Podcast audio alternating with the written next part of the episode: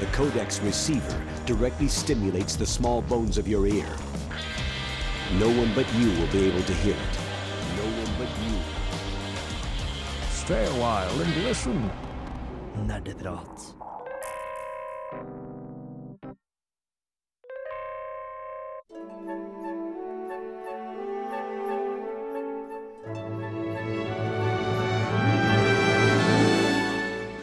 Hallo, hallo, alle sammen, og hjertelig velkommen til årets første ordinære sending med Nerdeprat.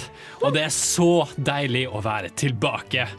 Med, altså, navnet mitt er Tor Magnus, og jeg skal være programleder for dere i dag. Og med meg i studio så har jeg min gode venn Steinar! Og ved siden av Steinar står Og som har en som kanskje ikke er like god venn, jeg vet ikke. Jo, det vil jeg si! Forskjellsbehandling! Som vår trofaste, trofaste tekniker har vi med oss Torben Dahl. Og i dag skal vi snakke veldig mye om science fiction. Men før vi går videre på det, så må vi varme opp med en låt. Og da kommer vi til å starte med Anna of the North fra Oslo. Med, med Oslo. Du hører på Radio Revolt, studentradioen i Trondheim. Ja, du hørte på Anna of the North med Oslo. Og eh, folkens, det har jo vært nyttår siden sist vi prata. Det har vært jul òg. Ja, så det, det har skjedd veldig mye. Og altså, det jeg lurer på når jeg, når jeg er tilbake sammen med dere, er jo hva vi, har, hva vi har gjort siden sist. Hva vi har spilt siden sist. Altså, Steinar, du har sikkert fått masse spill til jul. Jeg fikk hovedsakelig spill jeg allerede hadde fra før, så det var litt kjipt. Ah. Så jeg fikk nam, Nå tenker jeg, det er tenkelyden min. Nam, nam, nam. Eh, Veldig god jeg fikk tenkelyd. Watchdogs fikk jeg. Jeg fikk Watchdogs 1 og Watchdogs 2. To. Der gjorde jeg en TM og la over engelske ord. Um, nei, fordi at søstera mi fikk PS4, og det fulgte med de spillene. Og søstera mi er tolv, så da fikk jeg de spillene ut av boksen hennes. Kan du si. For du har også PlayStation 4. Ja, det har jeg. Ja. Fra før. Har du fått eh, prøvd uh, Watchdogs? Jeg har prøvd toeren, ikke prøvd eneren. Uh, toeren prøvde jeg før jeg fikk den til jul, da, så jeg hadde den jo allerede. Men uh, jeg likte toeren ganske greit. Eneste var at jeg følte meg litt Jeg følte at jeg hadde litt lite å gjøre, helt til jeg oppdaget at hei, du kan registrere missions og få det på kartet ditt, og da fikk jeg plutselig litt mer spilleglede. Så jeg var litt noob. jeg skjønte ikke helt hvordan man skulle spille. Du hadde bare vandra rundt sånn aimlessly i mange, Ja, mange ting. ja, jeg hadde free-roma veldig mye og var sånn her, Ja, nei, jeg vet da faen hva som skal skje. Ingenting skjedde. Ja vel, hva er dette spillet for noe? Og så fikk jeg ingen upgrades på noen ting. Så var det sånn ja, ja, jeg har en liten radiostyrt bil jeg kan leke med. Det var jo spennende. Den kan gjøre nothing. og så ble det morsomt igjen da jeg fant ut litt mer. Ja. Uh, utenom det så har jeg spilt uh, Overwatch som alltid. Det det har det gått veldig mye av. Jeg har skaffa meg en laptop, så jeg kan nå spille hjemme for en gangs skyld. Yeah. Men den har jeg i dag sendt fra meg for å få en ny en, for jeg har ikke fornøyd. Ah. Så det var veldig kjip feeling. Ellers har jeg spilt mobilspill. Jeg skal jo snakke om et mobilspill etterpå, så det er jo bare å glede seg til lommerusken min. Du er jo vår eh, faste lommerusk-korrespondent. jeg. Det er jo hjertesaken min da, å prøve å dytte litt mobilspill inn i eh, spillverden med tanke på at folk anser det ikke som ordentlig spill. Dette har jeg sagt mange ganger før, men jeg sier det igjen. Det er akkurat like mye spill som PC-spill eller et konsollspill. Det er bare mindre og lettere å ta med seg i lomma. Vi har nok hatt mange diskusjoner med Martin Osnes eh, tidligere om eh, Ja. mobilspill er spill. Ja, han kjefter på meg i gangene enda. Men det er nok det jeg har spilt siden sist, ja. Ellers har det gått veldig lite i spill. Mye Altså, du, familie. du nevnte jo Watchdogs her, og jeg, jeg har ikke sett så mye til det. Eh, Altså, hva, hva du, kan du gi meg en kort sånn oppsummering av hva du gjør der? Veldig kort. Det er uh, GTA med hacking. GTA med hacking. Ja, Det er veldig stort sånn du skal ta over uh, the big man som overvåker deg og passer, ser alt du gjør på telefonen din om, og kan ta penga dine uten at du vet om noe om det og alt mulig sånn. Eh, og så skal er det din jobb og din lille hacker-hipstergruppe, som er en gjeng med hipstere, prøve å ta over eh, nettverket igjen til eh, privatpersonen. Så nesten litt sånn sci-fi. Ja. Kommer det mye rare lyder fra meg, men jeg vil ikke påstå at det er sci-fi. Jeg vil si at det er en GTA med hacking. All. En mindre versjon av GTA. GTA med hacking. Det høres Er- faktisk ut som noe jeg kunne likt. Jeg kan jeg bare skyte inn med spørsmål? Yeah, mm. Hvor gøy er det å hacke? Selve hackinga med spillet? Jeg holder en firkant. Ok, Jeg tror det, jeg tror det i hvert fall nå, ble jeg plutselig usikker. Nå må ingen som spiller Overwatch drepe meg for at jeg sa firkant. Men, men det er veldig sånn Veldig easy. Du trykker på en knapp, så gjør den det for deg. Men, ah. men du får fortsatt litt sånn satisfaction-feeling hvis du spiller stealth mode og bare sånn prøver å unngå å bli sett av vaktene. Kommer deg bort til konsollen og bare sånn Haha, jeg tar over PC-en din og stjeler penga dine. og så kan det være um umoralsk. Hacke telefonene til bare random forbipasserende og ta penga deres. Det er òg gøy. Ja, så det er ikke så mye selve det å hacke, men det at, at du hacker. Ja. Ja. ja. Og så sprenger jeg folk med mobiltelefonen deres. For jeg lager små bomber av dem basically ved å hacke dem. Ah, ja, Samsung Galaxy Note 7 er Ja, med. Jeg tror, jeg tror hele verden har Samsung i det, det spillet her. Så det er litt som nerdens GTA. Det er, ner- det er nerdens GTA og Ja. pyromanens GTA. Vel? Nei, kanskje ikke det. det. Det er mer nerdens GTA, ja. Ja. Hø- Høres det ut som noe du kanskje har gjort eh, siden sist også, eller har du noe helt annet å tilføye? Jeg har noe ganske annet. Oh, ja, så du har ikke gått rundt og stjålet penger av folk, det, som han spurte om? Jo, det har jeg faktisk gjort. What? Eh, men eh, det jeg har gjort, er å kreve det inn via, via såkalte eh, sånn boliglån. Fordi jeg har spilt Tropico 5. Wow! For, fortell Sånn mer. housing permits. Som går rett til min Swiss bank account. Tropico 5 er jo et spill der du spiller som en sånn diktator over sånn, eh, over en sånn bananrepublikk, og så skal du eh, holde folk happy sånn at du blir gjenvalgt, og så skal du holde folk Eller holde annet imperium sånn. For eksempel eh, det britiske storriket, det skal du holde happy en periode, og så går det, går det over til Axis versus Allies, og så går det over til sånn multinasjonale selskaper og alt mulig. Det Ja. Å ha den balansen mellom å være en pikk og det å være eh, snill mot folk, eh, er noe jeg har utforska veldig i Det er jo så gøy å være diktator. Altså, Ja. det må det jo være. Ja, det er utrolig gøy. Spesielt i en sånn, i en sånn setting som Eller et spill som Tropico 5, der det er veldig tydelig at det er en sånn satire. Det, det er veldig mye humor i det, da, som gjør det veldig gøy å spille. Så jeg drev og krevde inn housing permits av folk, og uh, brukte det til å upgrade dik diktatoren min. Fordi det, det, det å bli gjenvalgt, det er liksom det som er det store målet her. Uh, ja, i en periode av spillet. For det varierer litt hva målet med spillet er. Uh, ja, i, løpet av, uh, eller, I løpet av spillets gang, da. Huh. Så ja. Det anbefales absolutt å sitte og spille det. Altså, jeg spil, satt og spilte det i romjula. Veldig veldig gøy. Og drømte seg litt bort til ei fjern sydhavsøy i stedet for regntunge Trondheim, som ikke var så pen i jula som jeg hadde håpa på. Så er det litt sånne som deg jeg hacker, da. Ja, I guess. Men hvordan uh, spiller du spillet? Er det bare masse menyer og sånt? Eller? Nei, eh, eh, det er en city builder, på en måte. Ah, Du ja. plasserer ut masse bygninger og hus og bygger bibliotek og gårde og sånne ting. Og så, ja, Det er på en måte hovedkomponenten av spillet. Jeg vet ikke hvorfor jeg ikke nevnte det før. Det høres ganske spennende ut, i hvert fall. Hvor er det du har fått tak i spillet? Er det Steam? Eller? Steam, ja. Ja, Det er ganske billig der. ja, Da er det vurdert å sjekke ut, da. Ja, definitivt. Hm. Hvis du elsker, elsker makt og penger, sånn som vi Jeg, gjør. jeg er veldig glad i makt og penger. Men eh, vi, vi kjører videre, vi, med Claus Perry med kun kontanter. Ja, det var Claus Perry med kun kontanter. Eh, det er jo fortsatt to av oss her i studio. Eh, Jeg glemte å nevne en ting! Jeg glemte å nevne en ting. du, kjør i vei, altså. Jeg glemte å nevne at Sims 4 endelig har gjort det store. Maxis har lagt inn småbarn i Sims 4. Wow, hvordan Altså, at, du, at de får barn sammen, liksom? Nei, altså, altså Før så gikk det fra babyer til skolebarn til, til tenåring til Å ja, sånn, ja. De hoppa over et stadie. Ja. TM har ikke spilt Sims på ganske lenge.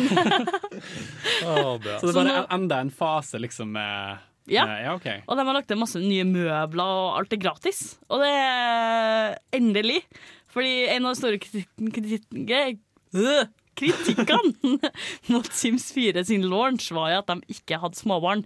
Uh, og det er jo en ganske crucial stage i livet til folk. Ah.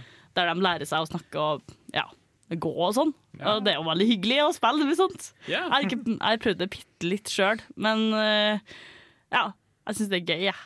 Ja. Jævlig gøy. Takk for informasjonen. Og så må, og altså. så måtte jeg nevne det, for jeg jeg regner det er masse folk der ute som har venta på det. Det er litt irriterende for folk som driver med sånne challenges som eh, kjæresten min Silje driver med. Hun prøver å få 100 unger med 100 forskjellige menn. Å, lol. Eh, for det er en sånn challenge Det er en jævlig tøff challenge. challenge. Vi har snakka om den tidligere her i Nerdeprat, og jeg tar det opp igjen. For det betyr at hun må vente enda lenger. da Fordi mora har jo ikke lov til å tjene penger eh, utenom å male eller skrive bøker. tror jeg det er Ah. Det er sånn de kan tjene penger. Og så må, ungdom, må det være ungdom, unge voksne, eller ungdommer, er det hva det er. En Det er de som får lov til å tjene penger på sånne søndagsjobber og sånn. For en forferdelig dystopi. Det, det, det må jeg si meg enig i. Altså. Så hun må jo nå vente enda lenger på å få cash og få kids, da. For det er jo Få Cash og Kids. Det er som betyr noe her i livet. Ja, det er kjipt, ass.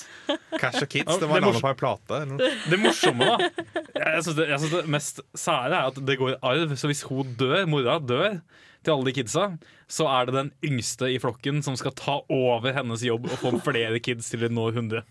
Ok, Så de må ikke starte fra scratch med 100, så du ender opp med Nei, sånn nei, nei. 200 folk. Nei, så du har sånn 30, det Som regel sånn jeg har sett det da, så har du sånn 30 kids, og så kommer ei mor og dør, og da må du ha neste. Eller 20 kids, og så dør ei mor, og så må du ha neste. Ok, Det er noe sånt. Jeg Ja. må ærlig innrømme at jeg har ikke fulgt med, men hun vil jo, dette vil jo ha stor betydning for henne. ja. Altså 20 kids er jo realistisk, hvis du tenker på f.eks.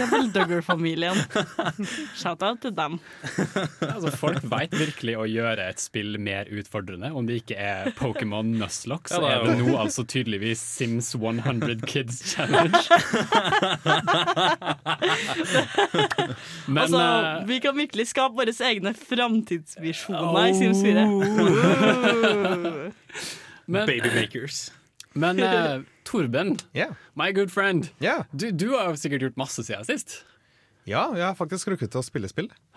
Hovedsakelig på min 3DS, fordi jeg tok ikke med VU-en min på toget ned til Østlandet. Ah, Men eh, 3DS-en den var det plass til. Og jeg rakk å bli som passe hekta på et spill som heter Phoenix Wright. Phoenix Wright? Phoenix Wright. Yay! Som eh, er en eh, spillserie som er på en måte en visual novel. Mm. Hvor du eh, styrer en uh, forsvarsadvokat som uh, er i et land som har et eh, lovsystem som er litt annerledes enn det vi har kjent med. Hvor den, det eh, Spirits of Justice? jeg har fra før så har jeg spilt det første spillet i serien. Ja, OK. Men eh, så fant jeg ut at det var tilbud på diverse Capcom-spill i jula. Så da kjøpte jeg meg Phoenix Wright Trilogy på 3DS. Ah. Som har alle de tre spillene i litt oppussa format. Så da har jeg uh, hoppa over det første, fordi det har jeg spilt fra før. Og så gikk jeg løs på det andre, som er eh, Ace Attorney Justice for All. Yes. Og fullførte. Koste meg skikkelig med massevis av sånn detektiv-twister og hvem var egentlig morderen, og, Ah. og ikke minst fantastisk musikk. Det er veldig tilfredsstillende å spille eh, eh, Ace Attorney-spillene. Jeg jeg vil jo påstå at liksom, Det som er veldig koselig med Phoenix Wright-spillene, er jo eh, på en måte dialogen. Ja. Fordi Du blir jo så oppslukt i det, og du, du følger med på hva som skjer. og Det er så dynamisk og frem og tilbake, og det bygger seg opp. Og Det er i hvert fall det som holder med hooka da, hver gang jeg spiller et Phoenix Wright-spill. Eh, Ja. Kanskje du kan si det enig der? Det kan jeg nok. Og, men også jeg vil, men musikken er også veldig flink til å skape stemning og spenningskurve og i, i det hele tatt. Og lydeffektene. Jeg prøvde også Phoenix Wright i jula, det glemte jeg å si. Eh, og jeg har aldri spilt det i det hele tatt. Ikke det? Men jeg hoppa rett på det nyeste. Eh, Spirit of Justice, er det det heter? Du som Ja. har litt mer peiling på det, Tor Magnus? Det er det nok. Ja. eh, det var ikke helt min kopp te, ass. Nei. Dessverre. Jeg har Hvorfor hørt var så det mye ikke bra. helt eh, din kopp te? Nei, eh, jeg hadde problemer med at jeg ofte fant eh, ut et steg før eh, dommeren og før Phoenix fant ut hva som skjedde i mordet. Så jeg kunne foreslå noe som kom senere i spillet, som et, som et bevis til juryen. Mm. Og så fikk jeg feil og ble straffet fordi jeg kunne svare lenge før jeg burde kunne svare. Og det plaga meg. For da, da måtte jeg prøve å finne alternative måter på å komme frem til min måte å si det på. Og ikke spillets måte å si det på. Ja, for du må fremlegge det i en viss rekkefølge. Ja, jeg, jeg må legge det fram i en rekkefølge som spillet gir meg. da De har vært ganske kule på å gi meg liv og sånn. Så Jeg har ganske mye sjanser, det er ikke det. Men jeg har ofte brukt opp sjansen fordi jeg var et steg foran i spillet. Så jeg la det litt fra meg, bare for å få litt pusterom, for jeg ble så irritert over det. Jeg Så du, ikke du føler at du ble litt sånn railroada, på en måte? Litt, i hvert fall. Ja. Lite grann. Eh, jeg fikk jo vite mye informasjon som jeg ikke visste hvis jeg la det i rekkefølgen som jeg skulle. Men hvis jeg hadde eh, to steg foran eh, Phoenix, så var det problematisk. Da fikk jeg jo straff. Phoenix Wright er jo veldig kjent for å på en måte være en, altså, egentlig en av verdens mest eh, dårligste advokater, vil jeg si, fordi han, han improviserer veldig mye på stedet. Yep. ja, ja. Han, han bullshitter seg veldig mye gjennom trials, på en måte. Så det er ikke uvanlig, vil jeg tro, å ligge et, ett eller to steg foran Phoenix, kanskje. Ja, det, er, det er veldig morsomme spill. Det er veldig mye humor. Og mye god musikk. ja, absolutt. Jeg syns det var pent og jeg synes det var morsomt, og jeg syns storyen var bra. Det var akkurat det elementet som plaga meg, og det gjorde at jeg la det litt fra meg sjøl. Men jeg skjønner hva folk sier når de sier at det er et fantastisk spill. Oh, yeah. Og musikken. Jeg kunne spilt spillet bare for musikken. Mm. jeg, jeg selv så har jeg Jeg plag, ble plaga av det som du snakker om, det at eh, spillet har på en måte allerede plottet ut uh, hva du skal gjøre. Mm. Men uh, i eneren. Men etter hvert så har jeg på en måte kommet ut inn, inn, inn i en rytme. Okay. Sånn at jeg på en måte Jeg begynte å tenke litt sånn som det som designeren vil jeg skal tenke. Ja, for jeg tror det er Føler det jeg. som mangler for meg. da At jeg må prøve å komme meg inn i hva designeren ønsket av spilleren. Mm. Mm. Ja. Ingen flere som har noe mer å tilføye på hva dere har gjort siden sist? Men Og så har jeg spilt Saints Row 4 igjen. Ja? Som er GTA for, eh, for folk som liker litt mer humor, I guess. litt mer pyromane? Det er jo en parodi på GTA, sånn som jeg har forstått det. Som er, du, i, fjer, I fireren så får du jo superkrefter, går rundt og hopper og sprenger og flyr og alt mulig. Det er helt sinnssykt og noe av det artigste jeg spiller. Også. Så har jeg gått litt tilbake til det. da Gått til, Ta en liten revisit til Saints Row 4. Aha. Nå som det var så billig på salget, det vintersalget, som da uh, tømte lommeboka mi. Valve. Valve. Eh, men nå har vi nesten gått rundt bordet, men jeg tror ikke vi har fått høre hva du har spilt siden sist. eh, Stemmer det. Jeg glemte nesten meg sjøl. Ha-ha-ha. um, ja, altså, jeg, jeg har faktisk fått spille litt. Uh, på lik linje med det, Torben, så, så har jeg liksom hatt med meg 3DS-en. Uh, fordi den er liksom så praktisk å ha med seg. Uh, og jeg spilte ferdig Shin Megami Tensei 4 eh, i jula, eh, som var et fantastisk eh, RPG. Eh, nå Jeg vet ikke hvor interessert dere er i japanske rollespill, men dere vet jo at jeg er kjempeinteressert i det. Mitt forhold til JRPGs består for det meste av kronglete battle og animated days. Animate, Animated Days. Jeg tror ikke jeg hørte hva du sa engang. Anime-pupper. Ah! Nå er jeg med. Nå er vi med. Ja, jeg, jeg, jeg ser den. Jeg ser den. Eh, altså, Det er mitt inntrykk av JRPGs, egentlig. det er egentlig. Tits og bad fighting. altså, jeg, jeg skjønner akkurat, absolutt hva du mener, Fordi det er alltid veldig mye sånn fanservice i de fleste JRPGs. ikke sant? Alltid en Ja. sånn bath scene eller et eller annet sånn karakter med store pupper, ikke sant? For å huke tak i eh, seere og sånn. Men, men i Shin Megami Tensei 4 så, så er det egentlig ikke så mye om det. Det, det er jo mer sånn det er veldig dystert og altså dystopisk. ikke sant? Du har jo Tokyo som liksom er helt ødelagt og ravaged av demoner og gudene herjer og sånne ting. Og du på en måte skal jo komme det eh, til bunns i, i hva som skjer eh, gjennom masse tårer og død og fordervelse og, og litt sånn. Så altså, det er jo på en måte Det er jo anime-tegninger, ikke sant, som vi kjenner til. Uh, men ikke så mye boobs og panty-flashing som, Som man Kanskje. kanskje skulle tro, da. som kanskje i de fleste andre, andre spill. Uh, så ja, det, det er liksom det jeg har på en måte gjort på uh, i jula, da. Yeah. Eh, vi skal jo komme mer inn på, på dette her med temaet vårt for dagen, for vi har jo en felles temauke. Men uh, før det så skal vi få Jørgen Halvorsen. Nei, med- det skal vi ikke. Nei. Vi skal få en helt annen låt som heter Nesten Neste planet, med eventyret. Kjør låt! Det er derfor du aldri vil få responsen du vil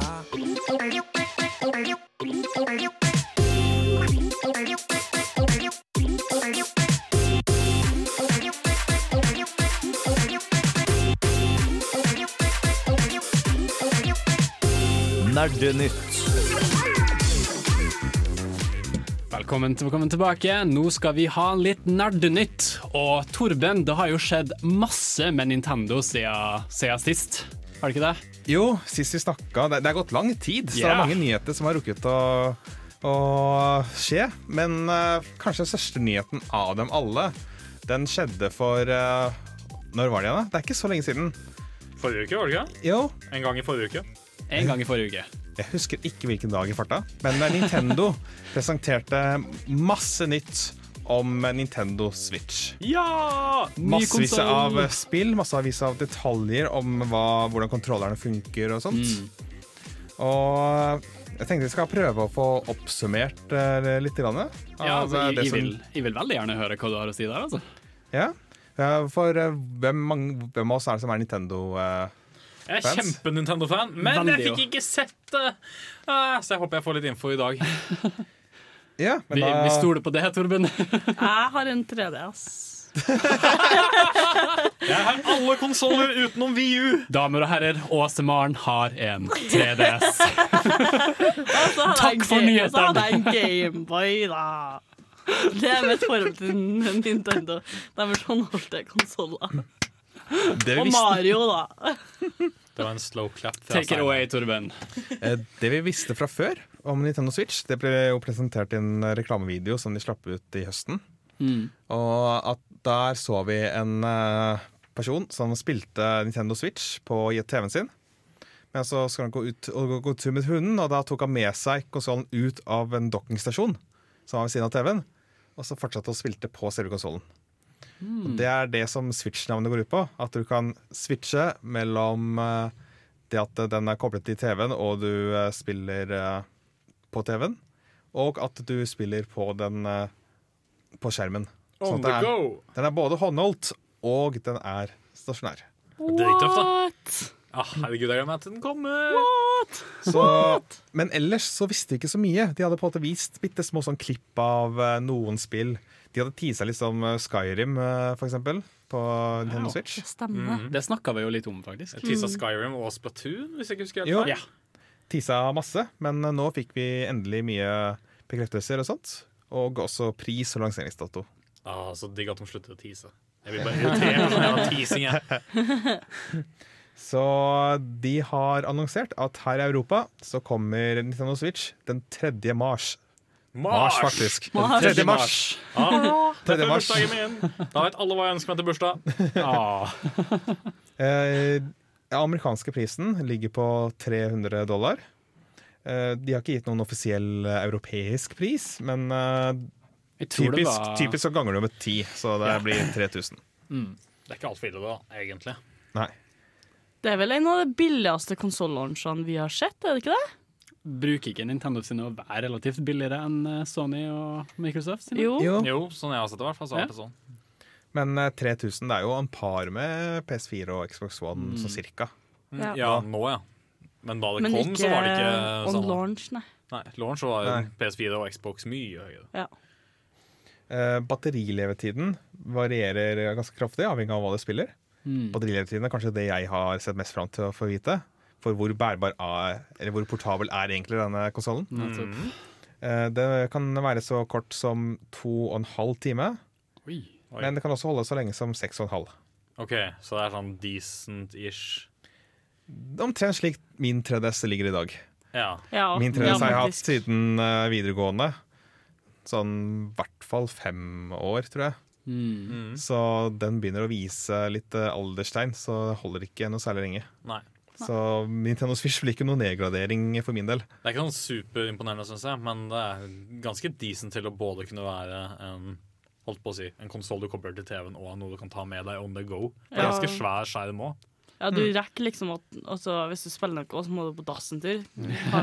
På dass. Det er jo det jeg ser på som hovedfunksjon, egentlig. Jeg, jeg vil vel også regne med at de har lader eller et eller annet hvis man vil ta med på toget eller noe sånt. vil jeg vel tro. Ja, det, det stemmer. De, du kan lade med en USB-C-kabel, Ja, mm. og lade følger med. Ja, Da er ikke, da er ikke problemet så stort lenger. Nei, da er det ganske kult. Men, eh, men Torben, veit vi Ja. litt om, om spill som kommer med lanseringa? Ja, det vet vi. De har et spill som heter One Two Switch. som var kanskje det første de viste fram. Hva er Og det er på en måte denne konsollens V-sports. I den forstand at eh, det er et uh, spill som eh, benytter litt uh, Som benytter disse nye kontrollerne. Ja. Men kjem Wii Sports kom jo med Wien, gjorde det ikke det? Ja. Ja, Kjem 1-2 Switch med Switchen? Det husker jeg ikke. Det, For jeg tror ikke det gjør det. det tror jeg ikke. Men, det tror jeg er en av Det bet jeg meg merke da, i hvert fall med den launchen, at jeg ikke Mm. følger med noe spill. Uh, det, det har jeg lest sjøl òg, ja. Uh, men jeg vet jo at de skal lansere f.eks. Uh, jeg tror eh, Breath of the Wild, og sånn kommer med på samme, altså samme dato. Yes. Men at det ikke kommer med spillet, på en måte, fordi ah. Nei, med maskiner, fordi maskiner blir på en måte litt for dyr for å gis ut med et spill, eller noe sånt. Jeg er ganske sikker på at jeg leste. Men jeg er ikke sikker. sikker. Det kommer sikkert sånn pakkedeals etter hvert, sånn det gjør med alle andre Jeg håper det. vil jeg tro. Men, jeg vet ikke hvordan det er på launch. One Two Switch er egentlig en del sånn minispill som er basert rundt uh, disse kontrollerne. Mm. Som eh, fordi uh, den Det er litt sånn snedig oppsett, fordi du har på hver side av, av konsollen så har du disse kontrollerne som er festet. De kalles for joycon. Kan ligne litt på Wii-remoten. Og så kan du ta dem av, og så kan du spille med dem. Du kan uh, ha feste dem eh, på en måte sammen med en sånn The Joy Grip eller noe sånt. For å få dem til å se ut som en litt sånn ordinær uh, kontroller. The Joy Grip. Hey. Ja, et eller annet sånt. Jeg husker ikke helt hva den heter. Barum. Og uh, Hva tenkte du på nå, Tor Magnus? Bye bye. Vil du fortelle ved radioen Nei, nei, hva du tenkte på? La, la det ligge. Og disse kontrollene har også sånn motion sensor eh, Motion-greier og sånt. Så One Two Switch baserer seg på at eh, du ikke skal trenge å se så mye på skjermen, men du skal på en måte se på motstanderen din. Så det er sånn uh, toplayer-spill. De viste blant annet eh, Eller viste og viste blir litt sterkt ord, men de eh, hadde en trailer hvor de eh, gikk ut på at eh, sånn duell mellom to cowboy, Mm. hvor de begge Ja. har hver sin eh, joycon. For vi snakka litt om pris i stad, Mm. og de kontrollerne er visstnok veldig dyr. Ja, der er det Nintendo tjener inn pengene. Ja. Så de kontrollerne De koster en del. Kaching-lyd, insert her. uh, de, det er flere spill det, som skal lanseres ved launch. Du, vi var inne på The Legend of Zelda, Breath of the Wild. Yeah. Åh, det gleder jeg meg så jævlig til. Fy pokker med! Jeg gleder meg til det. Det minner litt om Nintendo Wii, hvor uh, Twilight Princess kom ut til både GameCube og Wii. Mm. Og her så kommer The Legend of Zelda Breath of the Wild ut på både Wii U og Nintendo Switch. Mm. De har nå lagt ut sånne videoer der de sammenligner hvordan det vil se ut på, Switch, på Switchen og på Wii U. Mm. Sånn bildemessig og spillmessig. Det ser pretty, pretty sweet ut på begge, vil jeg påstå. Kult. Ellers så har de vist eh, Splatoon 2. De har vist en uh, Super Mario uh, Eller Mario Kart 8 Deluxe. Og så har de annonsert et nytt Super Mario-spill. Mm. Det er litt sånn to ting som jeg beit meg fast i. Dere Super Mario-spillet ser veldig forvirra ut. Og dere Splatoon 2, det så sånn Jeg hørte fra veldig mange Splatoon-fans at de på en måte ikke var helt gira på det. Så jeg er veldig veldig spent på hvordan de ender opp med å være. Ja, Splatoon 2 virker litt grann forced. Ja. Sånn at Det var saksavdelingen som kom på ideen først. på en måte. Ja. Uh, og uh, Men eh, Super Mario-spillet det virker interessant. Da er det basert på litt i den virkelige verden, faktisk. Oi. Og at Mario skal gå rundt verden. Litt sånn GTA, på en måte. Nei. Eh, men vi har jo mer Nintendo-nyheter, vi. Og med oss i studio så har vi trylla frem en fyr som heter så mye som Hans, halla Hans. Hei! Vår gode nabo fra Filmofil. Ja visst. Du, du har hørt om Nintendo, ikke sant? Så vidt. Det er litt sånn indie-selskap fra Japan, ikke? Det stemmer. Ja, det er jo independent, så Vi, vi prata så vidt om eh, den nye konsollen som, eh, skal, som Ja. er lansert nå den eh, 3. mars. NX MX, holdt jeg på å si. Nintendo Switch, som eh, så, så lite som, det, som Nintendo Switch. Å, det går rundt for meg nå. Eh, Ja, men, men, men Torben, du, Ja. du hadde litt mer å si om det, hadde du ikke det? Det er et par spill som vi ikke rakk å komme innom. Uh, hva spiller det? Eh, Det ene spillet jeg har lyst til å nevne, heter Arms. Og det er et eh, slags eh, boksingspill, hvor du på en måte spiller en, spill, eh, spiller en, eh, en eller annen figur.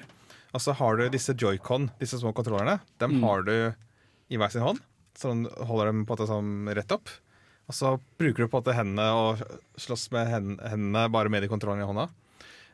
Tvisten er at disse armene kan strekke seg. Så det fungerer nesten som prosjektiler. Så du kan liksom sitte i hver ene enden av arena og så slå mot den andre figuren som er i andre enden av are- arena. Og så handler det om å skal kjempe mot hverandre på den måten. Det er så typisk sånn Nintendo, nesten humor. Jeg, husker, jeg, jeg følger en del gamingrelaterte kanaler på YouTube. Ja. Eh, og ProJared har- prøvde ut det spillet. Eh, Og det virker ganske kult, fordi det han forklarte, og som var litt mitt problem med Wii Sports sin, eh, sin buksespill, er jo at det føles upresist. Altså Du vifter med armen og håper at noe treffer. men, men han sa jo det at altså, altså, de har jo jobbet mye med bevegelsessensorteknologien, og at det nå Ah. er blitt enormt mye mer sofistikert, sånn at du faktisk har en form for presisjon og faktisk dybde i spillet som ikke nødvendigvis var til stede tidligere. Ja, Jeg, det er jeg håper det sjøl, fordi de, de, det, det er sånn som du sier at de på en måte var midt i å utvikle mer av teknologien. Fordi Først så hadde vi bare den Wii-remoten, og så fikk vi jo en sånn tilleggsting seinere. Fikk vi ikke det? Remote Plus, sånn at du Ja. synkroniserer hele tida. Så skulle vi liksom være mer effektive på, på rumblinga. Ja, det var det jeg skulle si. Jeg, Ja, ja, står, ok. jeg står og rakker opp hånda. ser. Nei, jeg, jeg syns jo de har jobba med å bli bedre på det allerede, ved at de fikk V-Motion Plus-kontrolleren, som sagt. Eh, Fordi det var en helt annen verden, syns jeg, å spille med den i nærvann enn den forbanna V-remoten som bare trodde kasta overalt. Eh, en ting jeg jo husker Og dette, Nå kan det hende jeg lyger, at dette er ikke faktisk noe jeg leste, men noe jeg tror jeg har lest. Men det, det har jeg hørt er at den er blitt såpass sofistikert, den um, Rumblepack-teknologien som er i de. Ja. At de hadde en sånn greie med at du skulle eh, altså, altså Den skulle simulere at det var klinkekuler inni kontrolleren. Og med å riste på den og kjenne på vibreringen, så skal du kunne gjette hvor mange klinkekuler som er simulert at det er i kontrolleren. What?! Yeah. Det de, hørtes helt sjukt ut. de hadde en veldig litt surrealistisk presentasjon av det, hvor en figur, eller en mann eh, satt med et glass med isbiter. Og liksom lekte at eh, det var kontrolleren. Kleint. Eh, et siste spill som jeg tror eh, Steinar er ganske glad for at det var annonsert. Å, herregud, jeg gleder meg. Jeg gleder meg så jævlig. Det gleder meg jo. Det var Xenoblade Chronicles 2. Oh, my body is ready. Kommer det nå? Nå, altså Jeg bare står klar. Jeg skal jævlig allerede. Oh.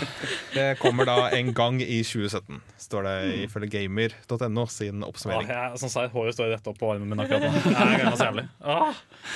Var det alt vi hadde om eh, Nintendo så langt, eh, Torben? Kunne sikkert snakka to timer om det, men eh, Åse, du har et innspill? er. Det jeg gleder meg veldig til å se, er at jeg leste at eh, når du tar det ut av dere um, dokken og spiller det håndholdt, så kjører prosessoren på 40 eh, kapasitet, på en måte. Så jeg er spent på hos, om de har gjort sånn at spillene på en måte tilpasser seg om det er dokka eller ikke. skjermen er jo 720P. Ja. Og mens du, når du spiller på TV-en, så har du sannsynligvis full HD. Jeg tipper altså noe sånt at du bare Ja. dropper det- eh, oppløsninga. Ja, at det er kun oppløsninga det går på. Men jeg har hørt det blitt beskrevet at det ser jævla bra ut på den lille skjermen. Det høres, og det ser på videoer det ser veldig pretty ut, ja. Mm. vil jeg tørre å påstå.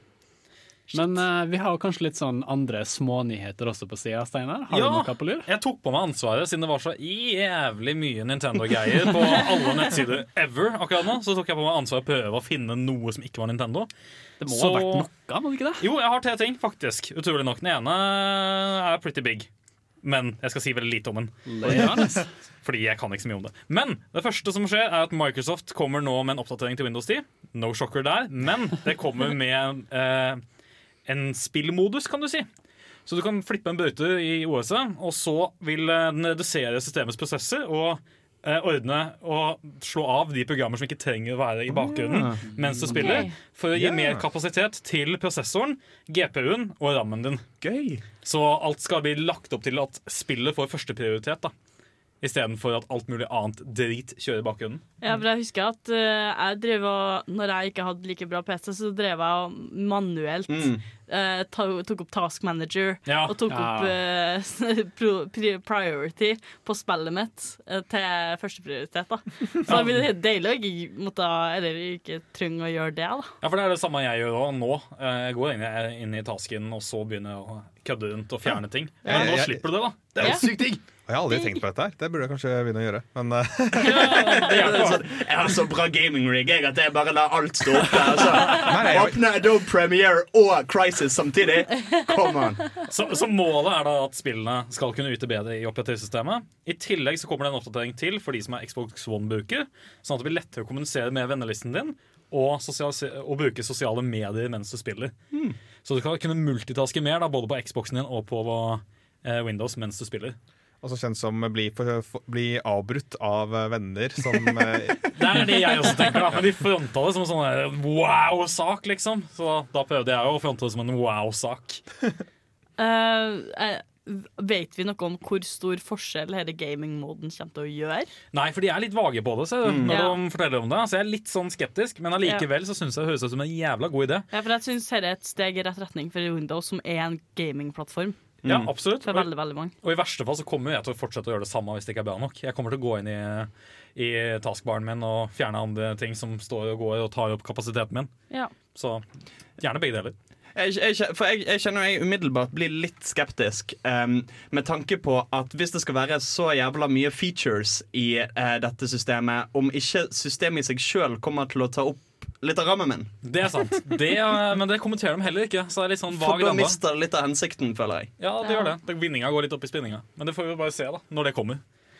Jeg tror nesten vi må gå videre, for vi, vi har så mye å snakke om nå. Altså, Vi har snakka så mye om Nintendo, og det har liksom tatt all tida.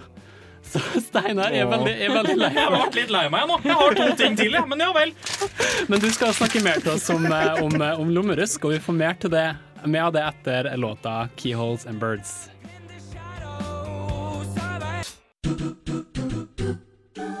Er det en Gameboy du har i lomma di? Nei. Det er lommerusk. Og eh, Steinar, hva, hva er dette, dette lommerusket du snakker om? Det er babyen min. Babyen din? Ja, fordi det jeg gjør, da er at jeg snakker om mobilspill, som ikke blir så jævla mye snakka om i andre spillmagasiner. For jeg føler at de blir litt glemt. De du kan ha med deg i lomma, sitte på toget, sitte på bussen og spille. Og alle har dem. Ikke kom og si at du ikke har et mobilspill av noe slag. Det skjer ikke. Så jeg føler at de blir litt ignorert, så da prøver jeg å gi dem litt mer skryt, da. All right, så hva er det du har tatt med deg til oss eh, nå? Nei, i dag så har jeg med Dan the Man. Dan the Man. Dan the Man. Det er et veldig, veldig morsomt spill. mannen. Nei, du kan velge mellom fem, og så kan du kjøpe kostymer til uh, den ene karakteren du kan selv identifisere deg med, men whatever. Det er mulig. Men du har én hovedperson, og det er Dan the Man. Og hva er det som skjer med Dan? Dan the Man, uh, han skal liksom Hva kan du kalle det? Det er en scroller uh, med scroller-plattformer eh, som du slåss mot ninjaer. Som liksom skal beskytte kongeriket. Så jeg vet ikke helt om Dan er en good guy eller en bad guy. Men han går rundt med alt fra asultrifler til eh, kniver som han kaster, og ninjastjerner og to forskjellige bazookaer som han finner på veien mens han prøver å ta tilbake landet sitt fra opprørere. Eller så er det en oppgjør. Jeg har blitt litt usikker på det der, fordi temaet skifter etter hvert, og de begynner å ta livet av sivile og sånne ting også, disse ninjaene han er på lag med. da. Okay. Så jeg er litt usikker om han er good guy eller bad guy. Oh, litt sånn store filosofiske spørsmål. Er at- mobilspiller, altså. Ja, for greia er at Han oppfører seg alltid som the good guy, selv om han er på lag med ninjaene som uh, prøver å ta tilbake riket. For ninjaene er de som gjør det gale, mens Dan bare rydder opp enn så lenge. Men han har ikke gjort noe mot de ninjaene for, for å stoppe dem, så jeg vet ikke. Nei. Så det prøver jeg å finne ut av. da. Men det er et jævla morsomt spill. Det er gratis. Eh, mot at du overlever litt reklame av og til. Du kan betale for å slippe unna reklamen, og det er ikke et pay to win-spill. Jeg prøver å unngå pay to win-spill eh, i den spalten her så mye som mulig. Mest for at det er det folk har størst problem med når det gjelder mobilspill. Pay to win, det vil da si at du betaler for å bli- bedre i spillet? Eller for å hoppe over del i spillet, eller hva? Ja, for eksempel, og du kan få ekstra stuff som hjelper deg til å bli bedre i spillet. Så la oss si du kan få et uovervinnelig våpen i så og så lang tid hvis du betaler seks kroner til blæ. Eller kjøpe deg liv, eller Ja, what not. Det kan Men- du hoppe over her ved å se en reklame. og det er ingen sånn muligheter for det heller, for du får såpass mye penger i spillene at du trenger aldri, Ok. eh, aldri noe sånt. Eh, det er laget av Halfbreak Studios og Studio Yoho. Yoho? Yoho? Yoho? Studio Yoho. Noe sånt. Um, veldig veldig verdt å sjekke ut. Veldig søt grafikk, og det er anbefalt av uh, AppStore sin, uh, sine creators. Eh, Halfbrick har vi laga noen veldig gode mobilspill før, har vi ikke det? Jo, du har lagd masse, men jeg rakk aldri å finne det fram på mobilen min De har før vel jeg laga gikk et sånt tårnspill. Ja, sånn du bygger du... en by og sånt, og de er ganske gamle, det studioet. De har lagd Ja. til alt fra Nokia og fram til i dag med smarttelefoner. Jeg tror de lager sånn tower-greier. Ja, det er en sånn heisekran som du slipper, heiser opp en blokk som liksom skal være et hus, og så kan du lage deg et tårn av de. Ja. Det er et sånn eldgammelt spill som var på mobiler før i tida, men Å, du får, det- får det nye opp der. Det spilte oppdatert. jeg. Ser du? Dette er poenget med nettopp denne lommehusk-tingen min. Lommehusk-tingen min. Babyen min. Hvor lang tid kan du på en måte regne med å bruke på det spillet her totalt sett, tror du? Jeg har brukt uh, godt over to uker nå. Jeg spiller det når jeg ikke har noe å gjøre liksom, og bare har lyst til å slå i hjel litt tid. Det er liksom det som ofte er poenget mitt med mobilspill, er at jeg bruker det når jeg kjeder meg og ikke har noe annet å gjøre. Ja. Det er kjekt å bare dra det frem da, og ha noe sånt som er på en måte så ganske, Når det er ganske bra òg. Ja, det er bra, når man du har basic. et bra spill i lomma, er jo ikke alltid. Det er bra, det er basic, og det er universalt, for det er ikke noe snakking i det. Det er lyder, og du forstår det via handling. Så historien skjer via handling. Ja. Kult. Jeg ville ha tatt det og sjekka det ut. Det er Ja. gratis. Ha, det høres veldig kult ut. Uh, jeg har dessverre ikke hørt om det før, men du Damn må jeg nesten man, sjekke altså. det ut. Det er vel det, er vel det denne spalten er for. Det er for å gi nye ting, da. Til Jeg vet ikke hvor, eh, hvor lenge Eh, jeg Hæ? Er det både til Android og iPhone? Ja, det skal jeg begge deler. Ha. Kult. Altså, jeg, jeg vet ikke, nå kan jeg liksom legge en ting til på lista mi der jeg kan si at dette har jeg heller ikke spilt før. liksom, det, det ligger liksom Overwatch, Overwatch, Overwatch. Overwatch. nå, kan jeg legge til, nå kan jeg legge til Damn the Man. Vil det si at du ikke har spilt Overwatch? Jeg har ikke spilt Overwatch, nei. La oss ikke lage et poeng ut av det. Tro meg, det gjør jeg på fritida. Men uh, jeg vet at neste gang nå når jeg går inn og setter meg på do, så skal jeg bare slå opp Dand Man. Ja, det syns jeg. Vi skal komme oss videre til temaet snart, så før det får du DXX med Dangerous. Incoming! Du hører på Nerdeprat! Det stemmer, du hører faktisk på Nerdeprat, og du hørte The XX med Dangerous. Og nå beveger vi oss inn mot eh, temadelen, og det er jo en sånn eh, felles eh, temauke på Radio Revolt denne uka her, som handler om science fiction. Hører litt sånn eh, science lyder fra et veldig, veldig kult spill som heter FTL i bakgrunnen nå. Og det gir meg the vibes, og the vibes. Eh, vi skal jo på en måte ha felles tema med filmofil og bokbarn. Og, og Hans, dere skal jo også snakke litt om, eh, om science fiction-relaterte ting. Stemmer det. Uh, masse masse sci-fi, masse space, masse technology. Jeg og Hans var jo på Bokbarn i går og snakket om science fiction. Mm, stemmer det. Det Ja, for det begynte i går? Ja, Begynte i går. begynte i går. Og da snakka vi litt om eh, Vi har lest noen bøker og da, litt sånn historie til science fiction. da Så Hvis man er interessert i det, så bare gå tilbake og høre på Bokbaren fra i går. Ja, Både Bokbarn og Filmofil kan du søke opp i din favorittpodkast-app. Ja. Må støtte våre gode, gode naboer, nå som vi faktisk hjelper å støtte hverandre med felles tema, for det skjer ikke så ofte. Og Hans er er jo fra Filmofil. Stemmer det. Vil legge opp en filmofil Edward. Kan anbefale hvis du har tenkt å se filmofil Se filmofil Høre filmofilsending hver morgen. Se Blade Runner fordi det er en veldig veldig bra film, og fordi det er ukas hjemmelekse til eh, neste filmofilsending. Jeg er støtter det 110 det er en av mine favorittfilmer. Det er en utrolig utrolig kul dystopisk eh, sci-fi-film. Den er så herlig. Harrison Ford i hovedrollen. Fantastisk. Eh, men du nevnte jo litt sånn om historia til sci-fi-spill, og, og vi må jo bevege oss litt inn mot på en måte, hva, hva som er liksom forhistoria til sci-fi-spill. Og det første jeg tenker på når jeg tenker gamle sci-fi-spill, er jo Space Invaders. Sånn langt, langt tilbake, sånn 1978 arcade games. Eh, ting langt, langt tilbake. Altså, vet, vet, vet dere andre noen gamle sci-fi-spill som kommer at the top of your heads? Asteroids, for eksempel, Ja. tidlig ute, hvor du spiller litt sånn spill som skal skyte kometer uten å, uten å kollidere dem, så de sprenges i mindre biter og alt mulig sånn. Ja. Kan vi si at Snake er en dystopi? Tja, altså du, du du, Hva er det du egentlig spiser i Snake? Er det bare Hvite firkanta klumper? Ja.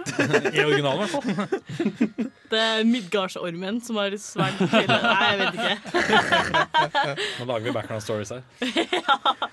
Men nå er det jo spill som Centipede, for eksempel, kan du argumenteres for at du er et slags eh, romskip.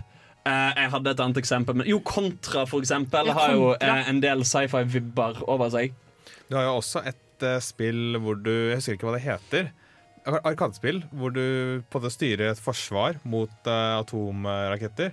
Så skal du skyte og styre raketter for å Mm. forsvare byene. Og så etter hvert som de treffer, så blir Ja. flere flere byer utsletta, og du får mindre og mindre raketter. Du har en endelig uh, mengde raketter å skyte opp også. Jeg har aldri spilt originalen, men jeg vet hva du tenker på. Jeg har spilt en versjon der du er en tank på bakken og får beskytte Mm. byen og peker oppover og skyte raketter som kommer mot deg. Mm. Ja. Mm. Eh, du har jo òg eh, en del sånn sidescroller. Altså uh, Metroid, for eksempel. Ja! Metroid, uh, var, begynner å bli veldig gammelt etter hvert. Uh, samme med Megaman. Ja! Åh, classics. Love it. Metroid Um, er jo veldig sånn sci- science fiction. Jeg vil si Mm. at det er en hallmark i science fiction-spill-sjangeren. da. Mm. Definitivt. Jeg vet ikke om det er mange her som ser på Game Grumps. Fordi jeg Ja, vet at, eh, jeg vet at eh, Dan, eh, som er med i Game Grumps, eh, spilte et veldig, veldig gammelt spill som jeg tror het Galaxy Quest. Ja. Ja, du Galaxy Quest er nydelig! Yeah. Jeg kjøpte meg faktisk hele Jeg kjøpte meg alle seks spillene, tror jeg det, på salg. Uh, Galaxy Quest Collection. Uh, der det utvikler seg fra å være sånn Du skjønner ikke hva som skjer, veldig veldig gammelt, der du bare går rundt på et skip og må utforske hva som skjer, til sånn point and click adventure-aktig opplegg. Var det Galaxy Quest, eller var det Space Quest? Space Quest, Galaxy Space Quest er en film. Galaxy Stemmer det. Det er det kanskje. Å, den husker jeg. Å, gud. Uh, med Alan. Rickman eh, er en av de som er i. Galaxy Quest er jo faktisk um, en av de beste Star Trek-filmene noensinne laga. Det må, nok, det må nok være Space Quest. Eh, Jeg googla det litt kjapt nå. Vi, eh, vi bryr oss ikke så mye om Alan Rickman eh, som uh, unnskyld meg. Å, nei. Unnskyld, jeg mente vi bryr oss om han, men liksom ikke, ikke Ja, Jesus. Husk hvem du har på besøk. Pust, pust. Jeg tenker jo selvfølgelig på han derre uh, janitoren Ro Roger Wilco i. Space. Quest. Uh, som fikk veldig mange oppfølgere, tror jeg. Eh, Seks totalt. For det var jo litt sånn, eh, sånn Sierra Games, point and click. eh, Mm. Riktig, riktig. Samme folkene som lager Kings Quest. Kings, ja, riktig, riktig. Og jeg så jo, altså, det, jo, det var utrolig kult å se på. de som skriver inn kommandoene og sånn. Mm. Tenk at det var liksom sånn før. Altså, hadde det vært sånn i dag, så ikke jeg vært smart nok til å skjønne liksom. Å nei, jeg skulle ha skrevet inn det all along. Fordi- sånn, når jeg prøvde Space Quest, det første spillet, så satt jeg der bare med musepekeren og beveget den rundt og bare Hva faen gjør jeg nå, da? Eh, Du bare stirrer oss rundt. At jeg bare kjapt skulle nevne Det er en sjarm i det, for det fins et Hitchhiker's Guide to the Galaxy tekstbasert spill ja. som ligger på BBC sin hjemmeside, som er dødsgøy å prøve ut. Jævla vanskelig. Eh, du kommer til å dø masse, Oi. men det er plenty med checkpoints underveis. Vel verdt å prøve ut. Drittøft, det visste ikke jeg. Vi, vi skal gå litt videre. Eh, Vi kommer til å få ukas eh, spørsmål snart, som eh, jeg håper dere kommer til å like. Eh, Men før det så skal vi høre eh, 'Miracle of Sound' fra Mass Effect.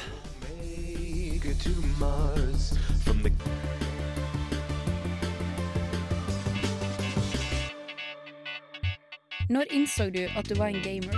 Dersom du kunne spilt kun et spill i et år Hva er det eldste spillet i backloggen din? Og du var på en øde øy i helvete mens du var 11 år gammel Hva har du lært fra spill som du har fått nyte av i hverdagen? Er det et spill som har hjulpet deg gjennom en tung periode av ditt liv? Hva er ukas spørsmål? Ja, og dere lurer alle kanskje på hvorfor jeg samla dere her i dag. Det er ukas spørsmål. ja, det er det, Hans! Åh, bare kan komme inn her og bare oh, ruin the surprise. Jeg trodde jeg kom hit for å skravle en mikrofon. jeg. Ja, folkens, jeg har et ukas spørsmål til dere, og jeg håper dere alle er forberedt, fordi her kommer det. Hvis du kunne reist rundt i verdensrommet på et romskip fra et spillunivers, og da liksom fra spill spesifikt, hvilket romskip ville det vært? Åse er førstemann opp med hånda her. Normandy SR2 fra Mass Effect, naturligvis. Hvorfor det, Åse? Det har jo alt du trenger. Og så har du et akvarium. Nydelig. Det, nei, altså, det er ingenting Jeg tror jeg aldri har gått rundt i et skip i et spill og følt meg så heim. Det, føl, Mm. det har liksom eh, I første spillet så fikk du ikke helt etablert så veldig forhold til det, og det var veldig ineffektivt for meg når spoiler alert, det første skipet ble ødelagt i andre spillet. Men så lager de en kopi av det, som er litt sånn oppgradert versjon og litt finere. Og det Altså, man går opp til det, det Galaxy-kartet og bare føler at her kan jeg, jeg kan gjøre hva som helst. Og det er en nydelig følelse. Og så har jeg aldri følt meg så hjemme på et skip. Jeg skulle ønske at jeg hadde en, en, at jeg bodde på Normandy. Det, jeg tror det er eneste skipet fra spillverden spesifikt som jeg kunne ha bodd på. Ja. Uh, Torben, ser du er nestemann opp med hånda her? Uh, dette er egentlig ikke det jeg ville ha bodd på, men jeg kommer ikke på så mange andre romskip. Og det er uh, Starship Mario eller noe sånt, i, fra Super Mario Galaxy 2. Hvor du får et romskip som er formet som hodet til Super Mario. Og så er det en egen planet med gravitasjon som du går rundt på. Det kult ut. Eh, Det er bare fordi det er en wacky idé, og Du, for du nevnte liksom du kom ikke på så mye annet. Hvis, hvis du da skulle si at du kunne valgt noe litt utenfor spilluniverset, har du da noe annet in mind da, eller blir det litt mer sånn litt usikker? Jeg føler ikke jeg har opplevd nok eh, sci-fi til at jeg på at jeg har en stor, stor katalog å velge fra. Dessverre. Kanskje vi kan få litt hjelp fra filmofiluniverset Altså, Nå skulle jeg faktisk ha et dataspilleksempel. da Eh, Jeg tenkte, jeg husker ikke hva det heter i spillet, men jeg tror det er Mantis-skipet i FTL. Ja Fordi det har en cloning bay. Det har det Så hvis du dør, så våkner du til liv igjen. Eh, i, en egen liten, som, I et eget lite rom på skipet og kan fortsette litt sånn rusten i, helten, i, i helsen framover. Men kloningben fortsetter å fòre deg opp med HP til du er frisk som en fisk igjen. Det som er veldig kult med Mantis-skipet, er jo det at eh, hele poenget er jo at du skal bare på en måte boarde masse skip, slakte Mm. alle med masse Mantis-folk, som er de sterkeste på en måte, karakterene. Eller sterkeste rasen, er det vel, i det spillet. De er stør de er, ja, det kan argumenteres for. Mot, de, de har størst okay. DPS. Størst DPS. Um, men eh, jeg tenker jo, jeg har jo ikke nødvendigvis noen interesse av å borde eller plyndre eller drepe eller gjøre noen sånne ting. Mm. Men jeg gjør mye dumt. Eh, og det hadde jo vært greit å ikke nødvendigvis tenke på om jeg kommer til å dø. Så jeg tenker det kunne vært en OK ting å ha. Cloning Bay, keep coming back. Yeah, no, keep them coming. Ah, altså, kunne jeg, kan jeg jo gå litt ut av Du, du skal få lov til det også. Yes, fordi når vi snakker om Star kloning Nei, Battlestar Galactica, faktisk. Oi! What? Jeg skal faktisk snakke om dere moderskipet til Cylon sånn, der de våkner opp når de dør. Ikke Star Trek. Du er jo ikke en Cylon også. Kanskje jeg er det. Det vet du ikke.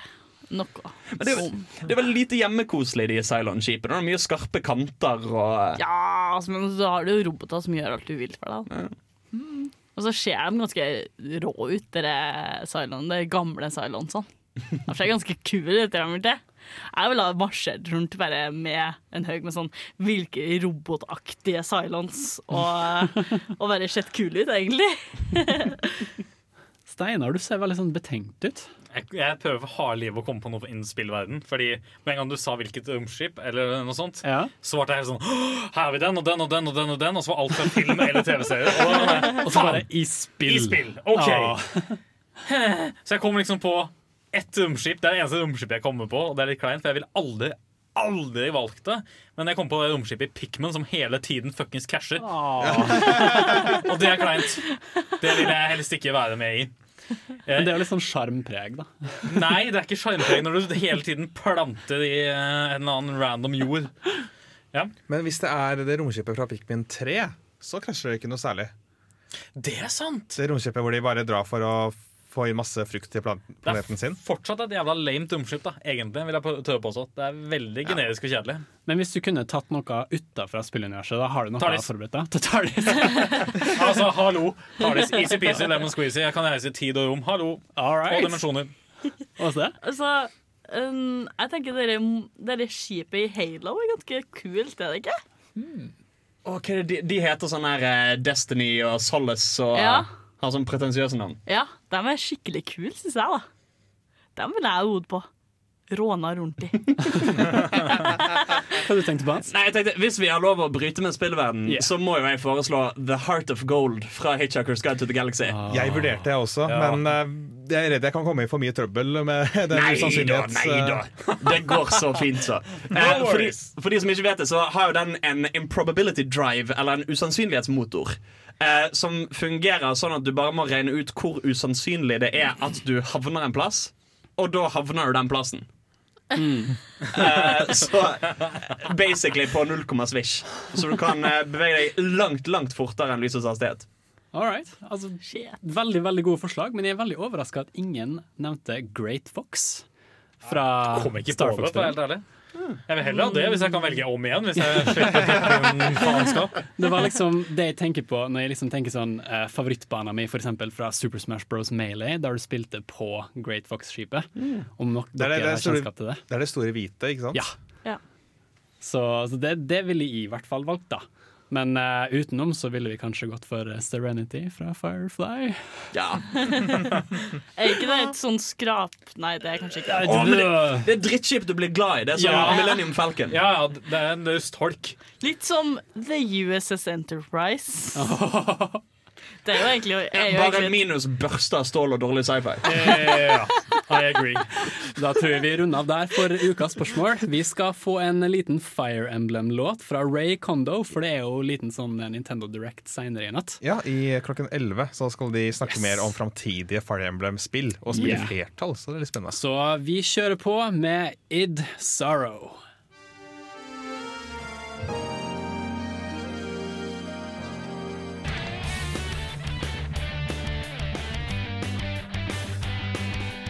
This is James Portnow, and you are listening to Narda Prat.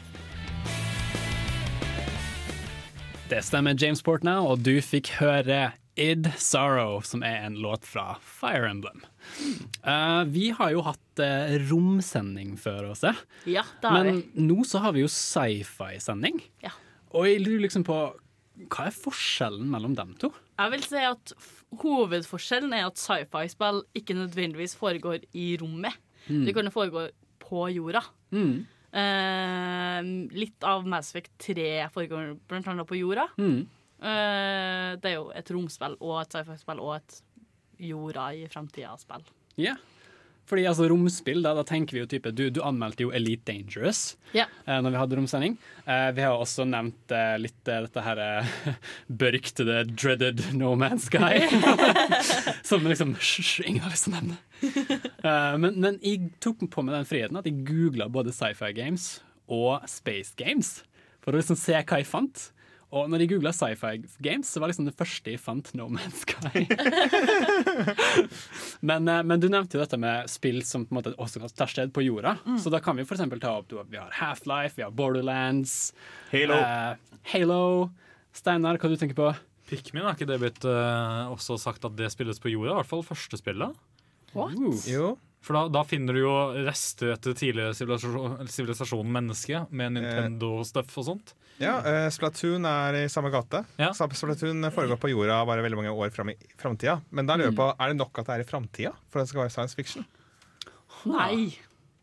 Nei? Altså, um, det jeg vil si som hovedgreia til science fiction, er jo at det er science fiction, at det har en sånn vitenskapelig basis. Mm. Uh, enten det er hard sci-fi, som er litt sånn uh, ja, à la Star Trek, og så har du soft sci-fi, som går litt mer på det sosiologiske, det psykologiske, um, som jeg ikke kommer på noe eksempel på i farten, da. Uh, men Og så har du en del drøss med undersjangre. Fordi både Pikmin og i Splatoon så går det ut på at menneskene har dødd ut, og at uh, i Splatoon så har havnivået steget. Uh, og Ja. Det, det er jo litt sånn vitenskapelig Ja, altså, jeg ville jo sagt at det kan jo være på grensa til sci-fi. Men sci-fi har jo veldig sånn blurry lines, da, som er interessant å diskutere. Ja, for Det er jo en del blurry lines der, og, og, og det som jeg merker ofte gjør det litt vanskelig å skulle skille det, er jo at ofte hvis noe foregår i framtiden, så blir det jo fokus på semi-kvasi-vitenskapelige ting, enten en vil det eller ikke. Ja. Uh, for, for En må jo på en måte forklare hva er det som skiller framtiden fra den tiden vi alle lever i. Og da blir det jo med en gang nødvendigvis uh, litt snakk om teknologi og framgang og utvikling. Ja. Fordi Jeg nevnte jo Du, du senest sa jo at du hadde spilt eh, Watchdogs i, i jula. ikke sant? Og jeg tenker jo den hacketeknologien du har der, eksempel, det er jo ikke noe vi har nå. Men kanskje vi kan få det snart? Soon. Soon? At liksom, for han tar jo opp mobilen sin og på en måte Ja, bare tar over ting rundt seg. device sant? til å hacke og ta over og kuke rundt. Men, men det er jo litt, altså hacking er jo litt mer komplisert enn det, egentlig. Ja, det er ikke holdning firkant, nei. Hvis du Nei. inn firkant her, trykkehunding nå, trekant nå. Men liksom kanskje, kanskje Portal? Ville det vært uh, sci-fi? Ja. Ja. Ja, det er Det er definitivt sånn. For det, det tar jo sted på jorda. Ja. Og hallo, Half-Life Ja. Ja. må jo nevnes. Det var jo nevnt, men jeg sa ikke noe mer om det. men, eh, men ja, kan ikke du snakke litt mer om det? Liksom, hva, hva du gjør der? Jeg har ikke spilt det sjøl. Ja. Uh, du spiller Holdt på å si Gordon. Nei, jeg holdt på å si Morgan. Morgan Freeman. Gordon Morgan. Jeg holdt på å si Gordon, og så tenkte jeg nei, men det er feil, for det er skuespilleren. Ja. Uh, du spiller Gordon Freeman, som er en forsker ved Black Mesa-forskeriet. Eh, og så I en av dem så er det basically noen portaler til alternative dimensjoner og diverse som går til helvete, og romvesener kommer inn i vår verden og skaper faen, og det er en del slåssing. Uh, I toeren så har det gått litt videre der, og du er egentlig altså en del av en slags undergrunnsbevegelse da, mot The Combine er det vel skurkene heter i Half-Life. Ja. Som er sånn et totalitært regime av en slags alien-mennesker som prøver å undertrykke alle menneskene og eh, kuke med folk, og du må skyte deg rundt og drepe romvesener for å komme deg fram. The Combine er òg litt hinta til i Portal. Fun fact. Det høres utrolig spennende ut. Nå skal vi ta et lite avbrekk med en låt, og da får vi Jake Kaufman med The Science Wizard.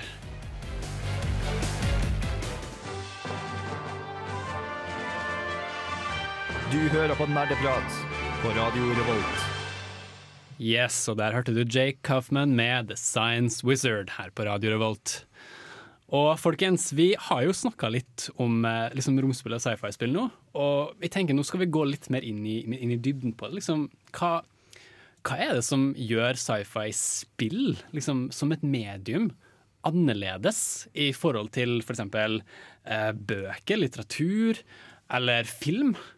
Og da, da, da snur vi jo til min, eh, min gode venn Åse her. Hva du tenker Um, det første jeg tenkte på, er jo interaktivitet. At du faktisk må utforme en hel verden. Absolutt. Altså I litteraturen så må man jo utforme en hel verden, men det er ikke noe sånn Man går ikke inn og liksom eh, fikler med ting eller plukker opp ting. Det gjør man jo i spill. Mm. Og jeg tenker særlig på liksom mulighetene vi har der med VR og sånn. Det er liksom helt ekstremt spennende. Ja, for, for det er jo et eller annet fint med det at istedenfor bare å bli vist noe, så får du brukt det sjøl. Mm. Og jeg synes jo et veldig godt eksempel på det er, for å komme litt tilbake til Half-Life, som vi snakket Ja. litt om eh, tidligere, uh, The Gravity Gun. eh, Som er et våpen du får i Half-Life 2, som eh, ikke har ammunisjon. Det det kan gjøre, er plukke opp ting og skyte de tingene du plukker opp. Eh, så du kan bruke det på ting i omgivelsene dine. Og på et, eh, i et level der så er det masse sånn sirkelsagblad som ligger rundt, så du kan plukke opp med gravity gun og fyre det av. Og de første gangene du bruker det, så er det bare så gøy å bare tulle med det og leke seg med det.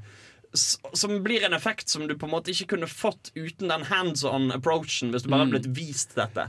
Mm. Jeg, jeg vil nesten si tilsvarende med portal guns når du begynner å leke deg med de og forstå mekanikken her. Så Mm. er det mye gøyere å bruke det sjøl og finne ut disse tingene. Og tenk, leve seg litt inn i hva ville jeg gjort eh, hvis denne teknologien eksisterte i dag. Absolutt. Steinar? Jeg tror ikke jeg helt hadde skjønt uh, Gravity Gun hvis jeg hadde fått det forklart. Nei, du plukker opp en gjenstand og kaster det på noen. Det er noe helt annet å oppleve det, for da, da får du faktisk the pleasurable feeling av å kaste et sagblad gjennom halsen på en fyr, liksom. Mm. Eh, For hvis noen hadde sagt nei, du plukker opp ting og kaster det, så skjønner jeg ikke hvorfor du ikke kunne bruke hånda, men Kunne du da kanskje tatt en twist på det og plukka opp personen og kasta den på sagbladet? Oh, jeg husker ikke om du får lov til å plukke opp liket med gravity gun. Det er vel ragdoll-effekt, men er det du, Jeg vet ikke om du kan plukke det opp, men det er ragdoll-effekt, da, så jeg vil jo tro Mm. at i noen mods i hvert fall så er det mulig, veit jeg. Sikkert i sånn Garry's mod. eh. Garry's Mod så kan du gjøre sånt, ja. Da kan du plukke opp ragdolls og pælme ragdolls på folk. Det er kjempegøy. Men jeg likte i hvert fall veldig godt det med interaktivitet. Altså, Mm. hvis, når, du, når du leser ei bok, ikke sant, så følger du jo en set path ikke sant, Ja. til en slutt, fra start til slutt. Mens i spill så har du gjerne ofte muligheten til å påvirke hvilken vei spillet skal ta. Så du kan få forskjellige slutter, som jeg vet i hvert fall er en greie spesielt i Mass Effect, Mm. for eksempel. Og det med at man kan sjøl utforme historier, er jo både på godt og vondt.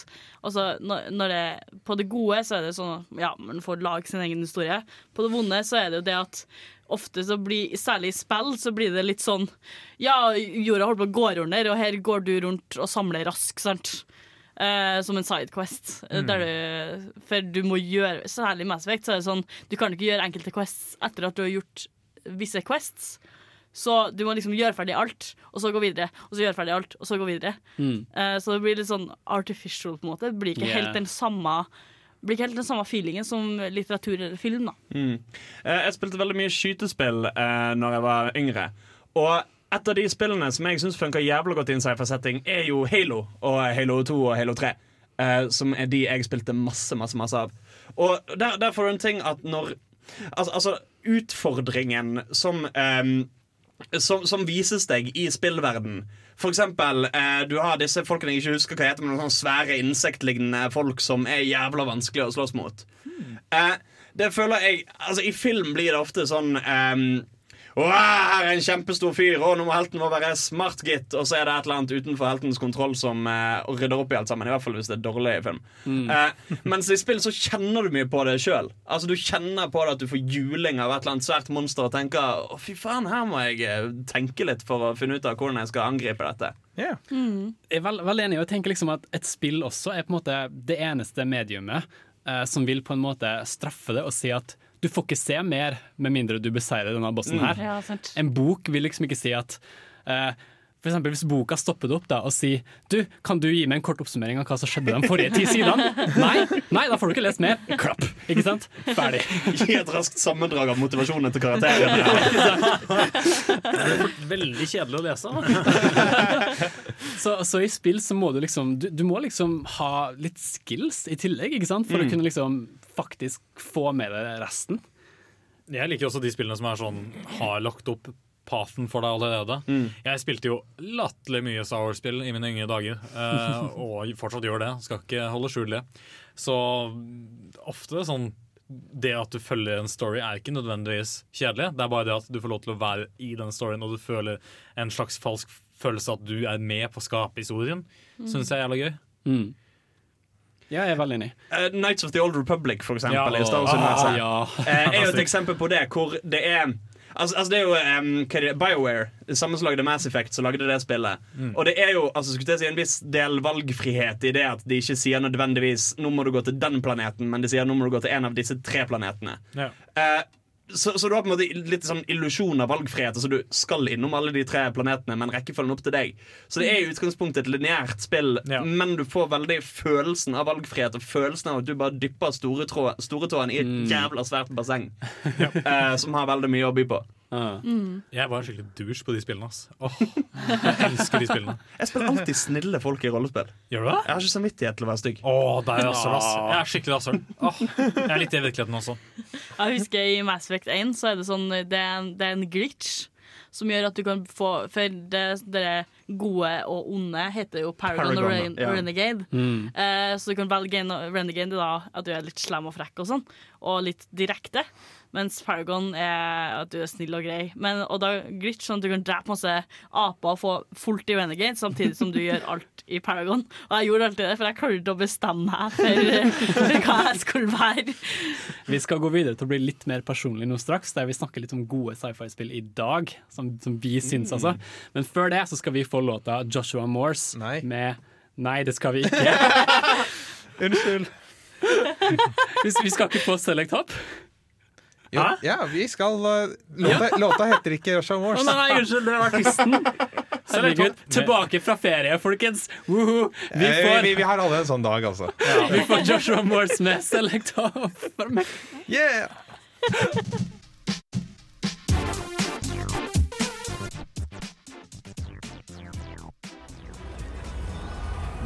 lytter til Nerdeprat fra Radio Revolt.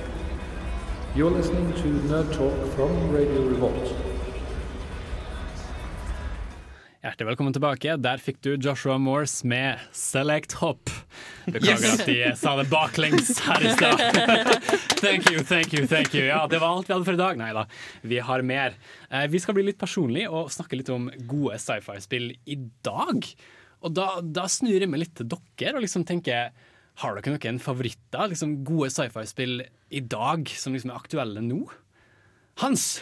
Altså, Det kommer ikke ut i år, men FTL, som det ble spilt litt Ja. fra tidligere Fytti satan, hvor bra det er. Yeah. Uh, det er da et rogelight-spill. Eh, hvor du uh, styrer et skytespill Der har vi musikken, vet du. Uh, du styrer et romskip som skal fly rundt og frakte informasjon fra et sted til et annet. Og på veien der så må du slåss med masse skip og gjøre byttehandler og alt mulig rundt omkring. Og basically forsøke å oppgradere skipet ditt så mye som mulig før du til slutt skal slåss mot moderskipet til under, under The Rebel-bevegelsen.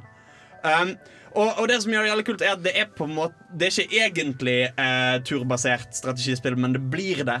Eh, for, fordi sånn det fungerer, så har du ulike mekanismer som gjør at du kan angripe de andre skipene. Altså Du har ting som våpen som skyter på dem, men du kan òg plassere ut droner på de andre skipene. Eh, du kan teleportere dine folk inn og prøve å drepe alle som er om bord på det andre skipet. Eh, og alt det fungerer veldig sånn ovenifra. Eh, Mm. Med at du styrer ikke karakterene du peker på dem og sier 'gå der og gjør den tingen'. Du må hele tiden styre hvor mye energi bruker du på våpnene dine nå. Har jeg nok energi til skjoldene mine? Eh, hvis de hacker dørsystemene våre og det brenner, så har vi et problem, for da kan vi ikke fjernstyre at de åpnes via luftslusene, sånn at det slokkes. Så du må holde styr på veldig mye ting hele tiden, og det er kjempegøy. Og det er liksom gjerne sånn at Jeg kan liksom ikke bare bli, ta med meg alt. Jeg må liksom prøve å spesifisere meg yeah. kanskje en ting. Fordi ellers så vil jeg ikke ha nok energi til å bruke alle tingene. Ikke sant? Ikke sant? Så Du nevnte jo Mantis-folkene fra FTL tidligere. ikke sant? Mm. Da spesifiserer du jo litt på boarding. Ja, ja, ja. Og du har kanskje ikke så mange kanoner til å skyte ting. Så du blir jo litt fucked da hvis du møter et skip med masse skjold, og så kan du plutselig ikke teleportere det.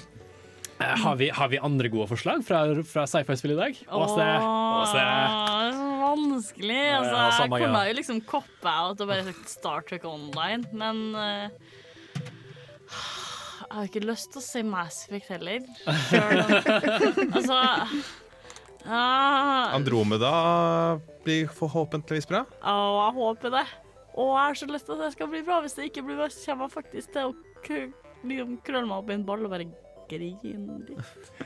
Uh, et spill som er sci-fi-ish fordi det foregår i framtiden og på Mars, er jo Doom. Eh, nye Ja, det blir ikke en remake. Uh, det er vel en oppfølger, egentlig, til klassikeren fra 90-tallet. Eh, som er altså, altså, det er folk som har tatt en kikk på skytespillsjangeren, på hva sky- eh, skytespillsjangeren har vært, og hva han har blitt til, og bare tenkt Fuck it. Vi tar basically formelen som fungerte jævla bra når du hadde eh, lave polygongrafikker på de gamle liksom Amiga-PC-ene. Um, men med hvor vi tar liksom et par gode ting fra moderne skytespill, jævla fin grafikk og bare heseblesende action. Eh, drit i sånn jævla mye story og alt mulig sånn. Du skal drepe demoner. Det er plottet.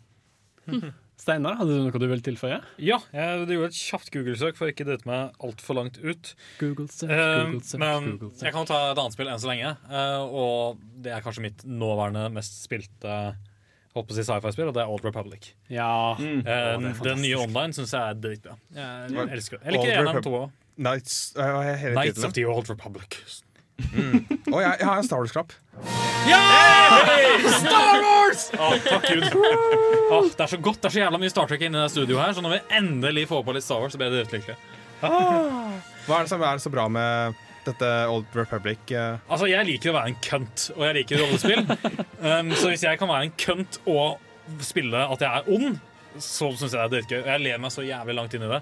Altså, Samboeren min hører meg på andre sida av gangen mens jeg lager stemmer til karakterene mine og leker hvor ond jeg kan være, og hvor slem jeg kan få til å være mot andre spillere. Fordi, det er dritgøy. fordi i Old Republic så kan du velge om du vil være snill eller ond. Ja, det er jo based on your actions. Yeah. Veldig mye Mm. sånn Hvis jeg er en kuk, så er jeg, blir jeg en ond fyr. Altså Det er ikke sånn Ah. Horde eller Alliance som i World of Warcraft, liksom. Nei, nei, nei. Du, kan, du velger ut fra handlinger. Så.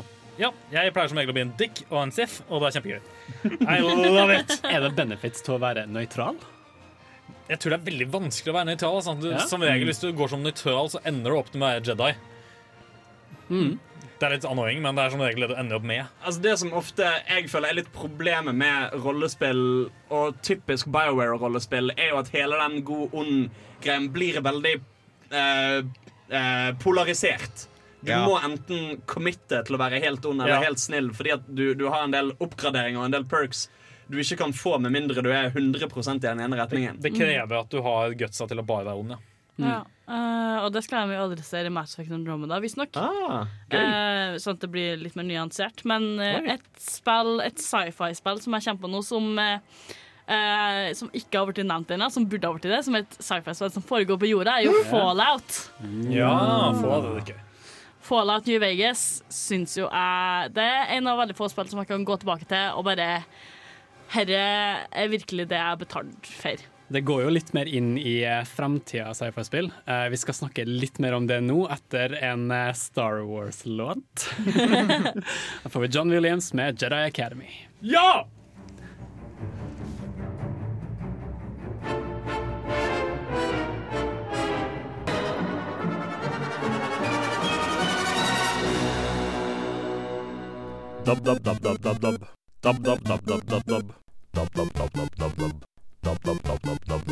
Nerdeprat er på DAB-radio. Dab, dab, dab, dab, dab, dab, dab, dab. Ja, det stemmer det. Vi er på DAB-radio, og I gotta say, John Williams, holy shit. Det, det, altså, det, er, god, det er god musikk, altså. Ja, det er rett før en hardheten, ja. Det er det. Men eh, folkens, altså nå tenker vi litt på altså, Vi har snakka masse om sci-fi-spill nå, og jeg liksom tenker litt på hvor kommer det til å gå hen? Hva er framtida for sci-fi-spill? Altså, vi har hørt, eh, Var det Fallout vi hørte nå før eh, Ja. den forrige låta? Tror du ikke det kanskje kommer til å bli sånn? Gi det sånn eh, 100-200 år til? Altså, blir det sånn dystopisk? Nei, What do you think?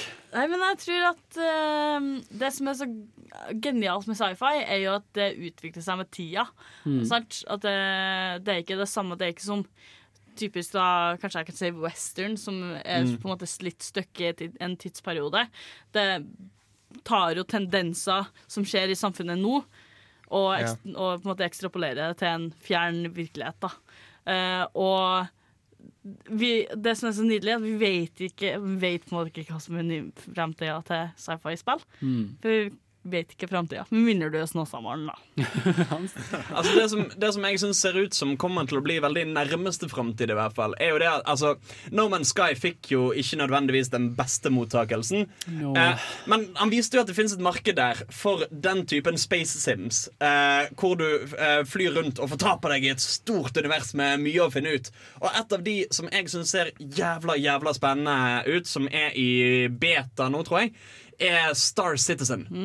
Eh, som er, det er basically et MMO i verdensrommet hvor du styrer en fyr, og du kjøper deg romskip og flyr rundt og finner på det du har lyst til å gjøre. Mm. Og det er jeg hørte om en veldig kul idé en gang, som var et spill som skulle komme som en tie-in til EVE Online.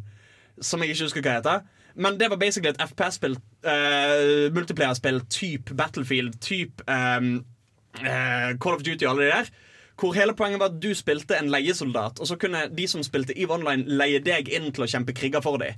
Eh, og da de multiplayer-matchene du spilte, var kamper iscenesatt av EVE Online-spillere for å kjempe om territoriet. Eller sånne ting Så din eh, evne til å slåss hadde et impact på verden rundt deg. Eh, Det og fett. det som ser kult ut med videoer jeg har sett fra betaen til eh, Star Citizen ut, er at det fungerer veldig sømløst sånn. Du løper rundt på en base, samler folk som har lyst til å bli med deg og fly rundt. Eh, Caller inn romskipet ditt til basen. Eh, tar de med inn på romskipet ditt, fly rundt og begynner å skyte på ting eller begynner å handle med ting eller gjøre basically akkurat hva du vil. Det ser kjempekult ut. Mm. Det blir tøft. Har du multiplayer? Ja, altså, altså det, er basically, Yes! det er basically et MMO. Ja, Da er det dritgøy. Da er det dritfett allerede. Jeg er med. Jeg, jeg håper egentlig også at, at VR kommer til å få eh, mye mer uh, framover. Fordi jeg, jeg husker liksom når jeg leste Ready Player One, som er en av mine favorittbøker, så snakker jo liksom uh, hovedkarakteren om at de setter seg inn i en sånn stor sånn maske de har på. Mm. Du kan uh, investere litt mer penger i det og ta på deg en sånn drakt som skal liksom simulere følelsen i å være, i å være i spillet. Han barberer vel alt kroppshåret sitt på et tidspunkt Ja, for å passe gjør inn i det. drakten, tror jeg. Det det, det syns jeg har vært utrolig kult. Hvis liksom bare sånn Sorry, folkens, jeg skal, jeg skal hjem og game, og så kommer du inn i stua, og tar på deg en stor skjerm, en drakt, og går inn i spillet. Du står liksom på en sånn der plate som skal simulere liksom at, du, at du går, og, og sånne ting. Altså, det har vært veldig mye å ta inn over seg, kanskje, men, men tenk om det blir helt vanlig. Sånn Mm. typ 20-30 år frem i tid. Og det er jo sci-fi for oss nå. Og det er normalt om, eh, om sånn type 20 år. Ja. Vi kan kun spekulere. Kanskje det kommer et VR-spill hvor du, det simuleres at du sitter i en sofa og spiller på en kontroller på en TV. Hadde du spilt det? Ja, Hvis det var normen, på en måte at alt var VR, så hadde det kanskje hatt kurs å simulere at du ikke er i VR. Du har jo per i dag eh, i VR-headsetene så kan du simulere kinomodus eller noe sånt. Og, og TV-modus og sånt. At du sitter og ser på en vegg og kan se en, en eller annen eh, film på den. Gøy! Ja, altså, jeg håper virkelig det blir mer om VR frem i tid. Uh, og altså eh, jeg, jeg gleder meg jo veldig til å liksom snakke mer om det her. Vi, vi har jo temauke nå. Det er jo science fiction som er det vi snakker om akkurat nå. Bokbarn har nettopp hatt sending i går, vi har sending i dag.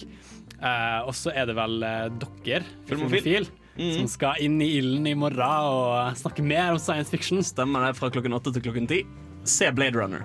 Se Blade Runner. Det blir hjemmeleksene til eh, dere der hjemme og høre på, på Nei, se på Blade Runner! Men hvis du finner den på lydbok, why not? Det er, det er bok, så den er jo basert på en bok. Do Androids Dream of Electric, Electric Sheep. Som vi òg snakket om på Bokbaren i går. Skulle til å se det. Jeg kan vel også blaste det at, eh, at vi kommer til å få en liten Nintendo Direct klokka 11 i kveld. eh, Som er litt, eh, handler litt om Fire Emblem-spill. Torben? Jeg kom på en ting vi er definitivt nødt til å snakke om, og det er at det er opptak på Studentersamfunnet akkurat Ja! nå. ja! Søk, folkens! Du kan blant annet uh, søke på å bli radiojournalist. Sånn som oss. Og vi Torben, har kan jeg søke for å bli nerdeprater? Det kan du. Fy faen. Gå inn på samfunnet.no slash opptak, og søk innen søndag, tror jeg det er. Ja. Vær så snill å søke, folkens. Vi gleder oss til å møte nye, unge, aspirerende søkere. og Kanskje vi møter nettopp deg! Men i dag, folkens, vi må avrunde for i dag. Du har hørt på Nerdeprat. Det er Sci-Fi Week. Takk for oss, folkens. Ha det! the bottom of the well. I can see the bottom of the well.